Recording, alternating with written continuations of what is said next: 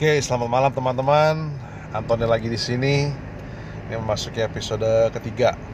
Oke, tentang perjalanan saya di bisnis MLM. Uh, sedikit rekap ya, sedikit rekap dari cerita saya yang kemarin bahwa akhirnya saya menjalankan bisnis MLM ini dan saya tidak menjalankan dengan benar yaitu saya mulai cerita dan saking antusiasnya saya cerita cerita dan saya merasa menjadi seorang seperti seorang hunter. Jadi uh, setiap orang yang saya ketemu temui atau teman-teman uh, saudara-saudara saya langsung uh, memperlihatkan kepada mereka tentang produk dan bisnis opportunity-nya. Dan akhirnya saya menjadi orang yang saya sebenarnya saya tidak sukai juga yaitu menjadi orang yang uh, akhirnya memaksakan kehendak orang Nah, uh, setelah saya sadari bahwa menjalankan bisnis ini sebenarnya yang paling penting hmm, kita harus tahu dulu ya, harus tahu kebutuhan si prospek. Nah, uh, kita tidak bisa mempunyai asumsi bahwa mereka itu membutuhkan apa yang kita punya, ya uh, produk atau jasa yang kita punya. Jadi uh, seperti kayak kita ke dokter aja sebenarnya. Kalau kita ke dokter kan biasanya kan dokter mendiagnosa kita dulu ya, menanyakan dulu masalahnya di mana, problemnya di mana, sakitnya di mana, baru akhirnya dokter itu memberikan uh, obat yang tepat untuk uh, sakitnya kita. Nah, sama halnya pada saat kita menjalankan bisnis. Kita tidak punya tidak tidak bisa mempunyai asumsi bahwa orang itu membutuhkan produk atau bisnis opportunity yang kita punya atau yang kita tawarkan. Jadi sebelum kita masuk ke sana, alangkah baiknya kita bertanya dulu tanpa kita malah, uh, tanpa kita mempunyai asumsi ya. Nah, uh, satu hal lagi yang paling penting adalah kita tidak pun tidak boleh punya terlalu banyak ekspektasi. Ya, memang uh, at the end of the day uh, it's all about the same ya. Jadi kita menawarkan produk atau jasa atau apa pun itu tidak bisa kita tidak bisa mengharapkan bahwa semua orang juga mau dengan produk yang kita punya gitu loh ya.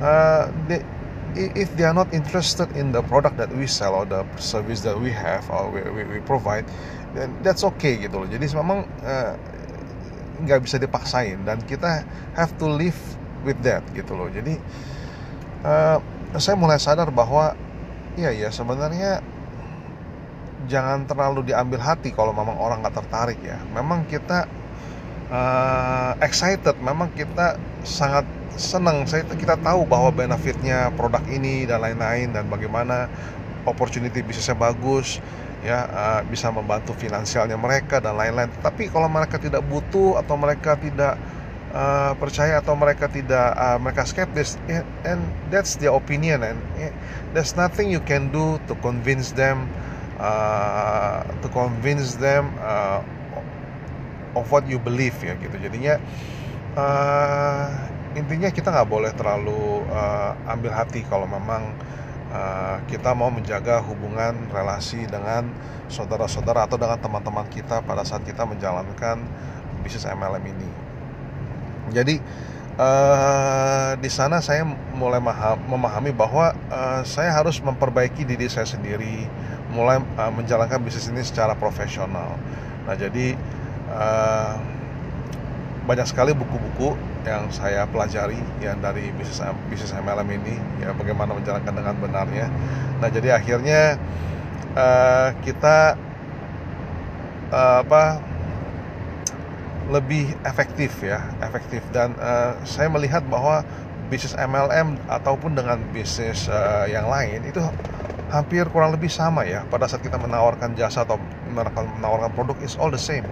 Ya uh, all all what we do itu lebih banyak kan kita uh, kita cerita kepada orang tentang uh, apa produk itu atau jasa itu bisa memberikan benefit kepada kita.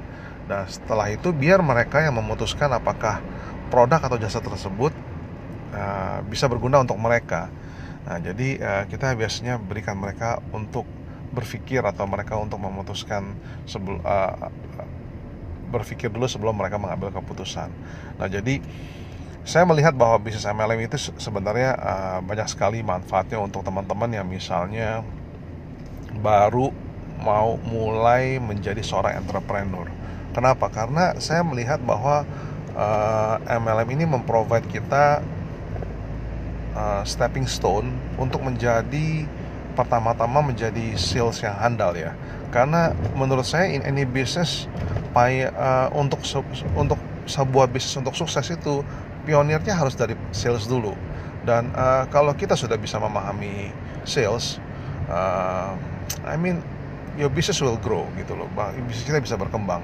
Nah justru karena MLM ini memberikan memprovide kita service atau jasa uh, apa uh, pengetahuan tentang bagaimana kita memperbaiki sales selling skill kita dan lain-lain uh, akhirnya ini uh, bisnis MLM itu bisa membuat menjadi stepping stone untuk kita uh, menjadi seorang entrepreneur ya menjadi seorang pengusaha nah bahkan karena banyak sekali orang orang-orang yang memang uh, mau mencoba memulai sebuah usaha Nah, saya kasih ilustrasi misalnya seperti ini.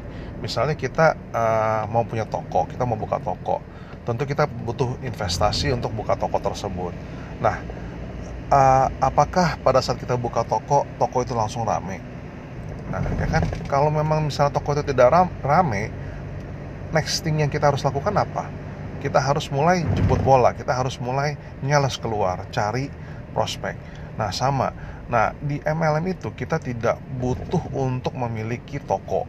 Ya, kita tidak usah stok barang juga. Tapi kita memang dari pertama diajarkan untuk uh, merospek. Jadinya bertemu dengan prospek. Nah, jadi melat melatih mental kita jadinya. Jadi menurut saya bisnis MLM untuk dimulai itu sangat bagus untuk orang-orang yang tadi saya cerita adalah mereka mau merubah mindset mereka menjadi seorang entrepreneur yang menjadi business owner karena uh, eh, MLM prov- uh, memberikan kita resiko yang lebih kecil untuk menjalankannya dan kita memiliki banyak training-training, sales training tentunya. Dan uh, sambil di luar itu kita pun bisa membangun sebuah network ya. Karena in any business kita membutuhkan network. Dan dengan menjalankan bisnis MLM, otomatis kita akan uh, berkembang dan juga kita uh, network kita akan terus berkembang. Dan ini uh, ujungnya nanti akan membantu kita menjalankan bisnis apa pun. Nah, dan juga uh, kalau kita melihat sebuah karakteristik seorang pengusaha, itu biasanya mereka adalah risk taker.